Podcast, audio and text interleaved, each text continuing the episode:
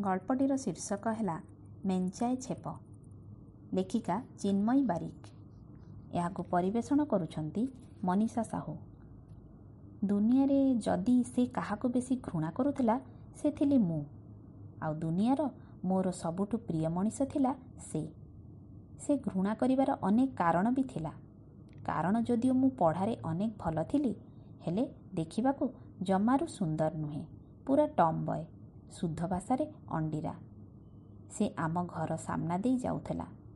ତାକୁ ଖାଲି ଟିକିଏ ଦେଖିବାକୁ ମୁଁ ଘଣ୍ଟା ଘଣ୍ଟା ଅପେକ୍ଷା କରୁଥିଲି।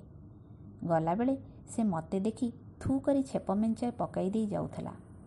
ମୋତେ ଲାଗୁଥିଲା ତା ମେଞ୍ଚାଏ ଛେପ ମୋ ମୁହଁରେ ବୋଳି ହୋଇ ଯାଉଛି। ମୁଁ କିନ୍ତୁ ପୁରା ବେହିଆଟା ଥିଲି। ତା ପରଦିନ ପୁଣି ସେଇଠି ଠିଆ ହେଉଥିଲି ତାକୁ ଟିକେ ଦେଖିବି ବୋଲି। ସେ ଖୁବ୍ ପଢ଼ୁଥିଲା। ଗୋଟିଏ ଚାଉଳରେ ଗଢ଼ା ମଣିଷ ଭଳି। ଗୋରା ଓ ଡେଙ୍ଗା ଆଉ ସୁସ୍ଥ ସବଳ ଚେହେରା। ଦେଖିଲେ ଯେ କେହି ଲୋଭେଇଯିବ। ଖୁବ୍ ଟ୍ୟାଲେଣ୍ଟ ଥିଲା ସେ। ମୁଁ ତା ପ୍ରେମରେ ପଡ଼ିଯାଇଥିଲି। ଏଇଥିଲାଗି ଯେ ସେ ଖୁବ୍ ସୁନ୍ଦର ଇଂଲିଶ କହିପାରୁଥିଲା। ପ୍ରେମରେ ପଡ଼ିବାକୁ ହେଲେ ଗୋଟିଏ କାରଣ ବି ଯଥେଷ୍ଟ ଥାଏ। ଆଉ ବିନା କାରଣରେ ବି ହୋଇପାରେ। ମୋର କହିବାର ବାହୁଲ୍ୟ ଏହା ଯେ ସେ ଯଦି ଇଂଲିଶ କହୁ ବି ନଥାନ୍ତା ତେବେ ବି ମୁଁ ତାକୁ ଭଲ ପାଇଥାନ୍ତି। କାରଣ ସେ ମୋତେ ବହୁତ ଭଲ ଲାଗୁଥିଲା। ସେ ମୋତେ ଘୃଣା କରୁଥିଲା। ସମସ୍ତେ ଜାଣିଥିଲେ। କାରଣ ସେ ମୋତେ ରଣଚଣ୍ଡୀ ବୋଲି ଡାକୁଥିଲା। ତା ମା ଆଉ ମୋ ବୋଉ ସାଙ୍ଗ ଥିଲେ। ତା ମା ମୋତେ ଖୁବ୍ ଭଲ ପାଉଥିଲେ। ଘରକୁ ଆସିଲେ ଆଗେ ମୋତେ ଖୋଜା ପଡ଼େ। ତାକୁ ଖାଲି ଦେଖି ଦେଖି ମୋର ଛଅ ବର୍ଷ କଟିଗଲା। ପଦଟେ କଥା ହେବାର ସାହସ ଜୁଟାଇ ପାରି ନଥିଲି। ତାର ମେଞ୍ଚାଏ ଛେପ ହିଁ ମୋତେ ସୂଚାଇ ଦେଉଥିଲା ମୋର ଅସ୍ତିତ୍ୱ ତା ପାଖରେ। ସେ ଅନେଶତ ରାଣୀର ରାଜା ଥିଲା। ମାନେ ତା ଆଗରେ ନାମୀ ଦାମୀ ସୁନ୍ଦରୀ ଝିଅଙ୍କର ଭିଡ଼ ଜମୁଥିଲା। କିନ୍ତୁ ସେ ଯେ କାହା ପ୍ରେମରେ ପଡ଼ିଛି ସେ ଗୁଜବ କେବେ ଉଠୁନଥିଲା। ସେମିତି କିଛି ଶୁଣିଥିଲେ ମୁଁ ବୋଧେ ନିଜକୁ ସମ୍ଭାଳି ନେଇଥାନ୍ତି। ଗୋଟିଏ ଛୋଟ ଦୁଃଖକୁ ଭୁଲିବାକୁ ଗୋଟେ ବଡ଼ ଦୁଃଖ ଜରୁରୀ ହୋଇପଡ଼େ। ସେ କାହା ପ୍ରେମରେ ପଡ଼ିବା ବୋଧେ ମୋ ଜୀବନର ସବୁଠୁ ବଡ଼ ଦୁଃଖ ହୋଇଥାନ୍ତା। ହେଲେ ସେମିତି କିଛି ହୋଇନଥିଲା ମୁଁ ଦିନ ରାତି ତାରି କଥା ହିଁ ଭାବୁଥିଲି। ଟିକିଏ ସାହସ କରିଥିଲେ ବୋଧେ ଭଲ ହୋଇଥାନ୍ତା। ମନ କଥା ଖୋଲି କହିପାରିଥାନ୍ତି ହେଲେ ମୁଁ ଜୀବନ ସାରା ମୁଁ ପଙ୍ଗୁ ଭଳି ବଞ୍ଚିଛି।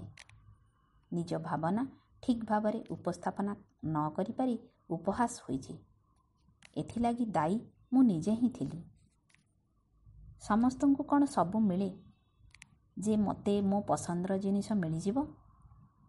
ଜନ୍ମ ଆଗରୁ ଆମ କପାଳରେ କିଛି ରେଖା ଟଣା ହୋଇଥାଏ ବୋଧେ। ସେ ହିଁ ଆମ ଭାଗ୍ୟ ନିର୍ଦ୍ଧାରଣ କରେ। ଯେତେ ବିଦାରୀ ହେଲେ କ'ଣ ଆଉ ହେବ?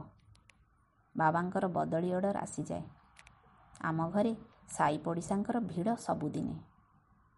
ମୁଁ ଆଖି ଝରକା ଦେଇ ବାହାରିଯାଏ ତା ଘର ବାଲକୋନିକୁ।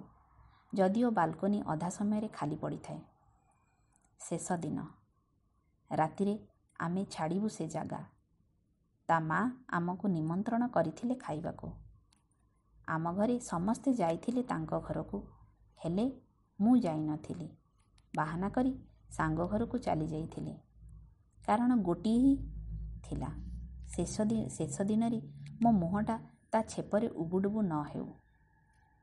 ସନ୍ଧ୍ୟାବେଳେ ଅନେକ ସମୟ ଠିଆ ହେଲି ଗେଟ୍ ପାଖରେ ତାକୁ ଟିକେ ଦେଖିବାକୁ। ସେ ବାହାରିଲାନି ଥରେ ବି। ରାତି ଦଶଟା ହୋଇସାରିଥିଲା। ମୋତେ ଡକା ହେଲା ଘରକୁ ପ୍ରସ୍ତୁତ ହେବାକୁ ଯିବା ଲାଗି। ମୁଁ ସେ ଘର କାନ୍ଥଗୁଡ଼ିକରେ ହାତ ସାଉଁଳିଥିଲି। ମୋ ପଢ଼ା ଘର ଚଟାଣରେ ପେଟେଇ ହୋଇ ଶୋଇ ମୋ ପିଲାଦିନକୁ ଚାଟୁଥିଲି। ସାମ୍ନାରେ ଚକ୍ ଖଡ଼ିଟିଏ ପଡ଼ିଥିଲା। ତାକୁ ଗୋଟାଇ ଆଣି ଘର ସାରା ଆଉ କବାଟ ଝରକାରେ ମୋ ନାଁ ଲେଖିଦେଇଥିଲି ମୋ ପଢ଼ା ଟେବୁଲ ପାଖ ଝରକା କବାଟରେ ମୋ ନାଁ ଲେଖିଲି। ହଁ ସେଇଦିନ ଗୋଟିଏ କଥା କରିଥିଲି ଯାହା କେହି ବି ଜାଣିନଥିଲେ ଝରକା ପଛରେ ଗୋଟିଏ କୋଣରେ ମୁଁ ମୋ ନାଁ ସହ ଯୁକ୍ତ କରି ତା ନାଁଟା ଲେଖିଦେଇଥିଲି ଛଅ ବର୍ଷ ଭଲ ପାଇବା ପରେ ଏତିକି ହିଁ କରିପାରିଥିଲି ନିଜକୁ ଟିକେ ବଦନାମ କରିବାକୁ ତା ସହ। ଏହା ପଛରେ ବି ଗୋଟିଏ ନିରାପଦର କାରଣ ଥିଲା। କାରଣ ସେ ଘରଟି ଅଫିସ୍ କ୍ୱାର୍ଟର ଥିଲା। ଅନ୍ୟ କେହି ପଡ଼ିଶା ଲୋକ ଜାଣିବାର ସମ୍ଭାବନା ବି ନଥିଲା। ଦୀର୍ଘ ଦଶ ବର୍ଷ ପରେ ଗୋଟିଏ କାମରେ ବୋଉ ସହ ମୁଁ ସହରକୁ ଯାଇଥିଲୁ। ତାଙ୍କ ଘର ଛଡ଼ା ଆମର ରହିବାର ସୁବିଧା ଆଉ କେଉଁଠି ବି ନଥିଲା। ଅନେକ ଚିହ୍ନା ପରିଚିତ ଥିଲେ ହେଲେ ରାତିଟି ରହିବାର ସୁରକ୍ଷିତ ଜାଗାଟି କେବଳ ତାଙ୍କ ଘର ହିଁ ଥିଲା। ହଠାତ୍ ଆମେ ତାଙ୍କ ଘରେ ପହଞ୍ଚିଗଲୁ। ତା ମା ଆମକୁ ଦେଖି କୋଳେଇ ନେଲେ। ବୋଉ ଓ ସେ କନ୍ଦାକନ୍ଦି ହୋଇଗଲେ। ମୋ ଆଖି ତାଙ୍କ ଘର ଚାରିପଟେ ବୁଲି ଆସିଲା। ତା ମା ତତ୍କ୍ଷଣାତ୍ ବଗିଚାକୁ ଦୌଡ଼ି ଯାଇ କହିଲେ ଆରେ ଦେଖିଲୁ କି? କିଏ ଆସିଛି? ସେ ସେଠି ତା ସାଙ୍ଗ ସହ ବସିଥିଲା।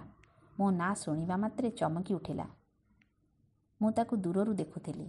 ସେ ଚଟାପଟ ଉଠି ଆସିଲା କିନ୍ତୁ ମୋ ସହ କଥା ହେଲାନି। ବୋଉ ସହ କଥା ହେଲା। ମୋତେ ଲାଗିଲା ମୋ ମୁହଁରେ ମେଞ୍ଚାଏ ଛେପ ବୋଳି ହୋଇଗଲା। ସେଦିନ ଖୁବ୍ ବୁଲିଲି ସାଙ୍ଗମାନଙ୍କ ଘରକୁ ଯାଇ। ଭାରି ଖୁସି ଥିଲି। ସନ୍ଧ୍ୟାବେଳେ ତାଙ୍କ ଘରକୁ ଫେରିଲି। ସକାଳୁ ଫେରିବାକୁ ପଡ଼ିବ। ସବୁ ପ୍ୟାକିଂ ବି କଲି। ମନଟା ଭାରି ଅସ୍ଥିର ଲାଗୁଥାଏ। ତାଙ୍କ ବାଲକୋନିରେ ଲାଇଟ୍ ଅଫ୍ କରି ଚୁପଚାପ ବସିଥିଲି। ମୋ ଆଖି ସାମ୍ନା କ୍ୱାର୍ଟର ଆଡ଼କୁ ଥିଲା। ପଛ କଥା ଅନେକ ଭାବିଲି। ଅନୁଭବ ହେଲା ମୋ ପଛରେ କେହି ଜଣେ ଠିଆ ହୋଇଛି। ହଁ ସେ ଅନେକ ବେଳୁ ଠିଆ ହୋଇଥିଲା। ମୁଁ ଦେଖିଲା ପରେ ଚେୟାରଟେ ଆଣି ମୋ ପାଖରେ ବସିଲା।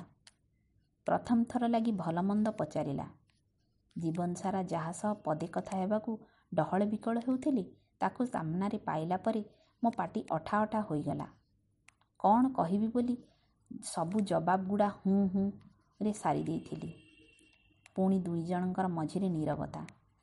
ଅନେକ ସମୟ ପରେ ସେ କହିଲା ଏ ରଣଚଣ୍ଡୀ ମୁଁ ତୋତେ ଟିକେ ଛୁଇଁବାକୁ ଚାହୁଁଛି ମୁଁ ହଁଟା ମାରି ତାକୁ ଅନେଇଲି। ଛାଇ ଆଲୁଅରେ ତା ମୁହଁ ମୋତେ ଝାପ୍ସା ଦେଖାଯାଉଥିଲା।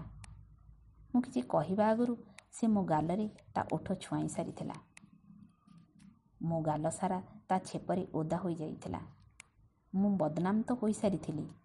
ସେଇଦିନ ହିଁ ଯେଉଁଦିନ ଝରକା ପଛପଟେ ତା ନାଁ ସହ ମୋ ନାଁଟା ଲେଖିଦେଇଥିଲି ସେ ଝଡ଼ ପରି ବାହାରିଗଲା।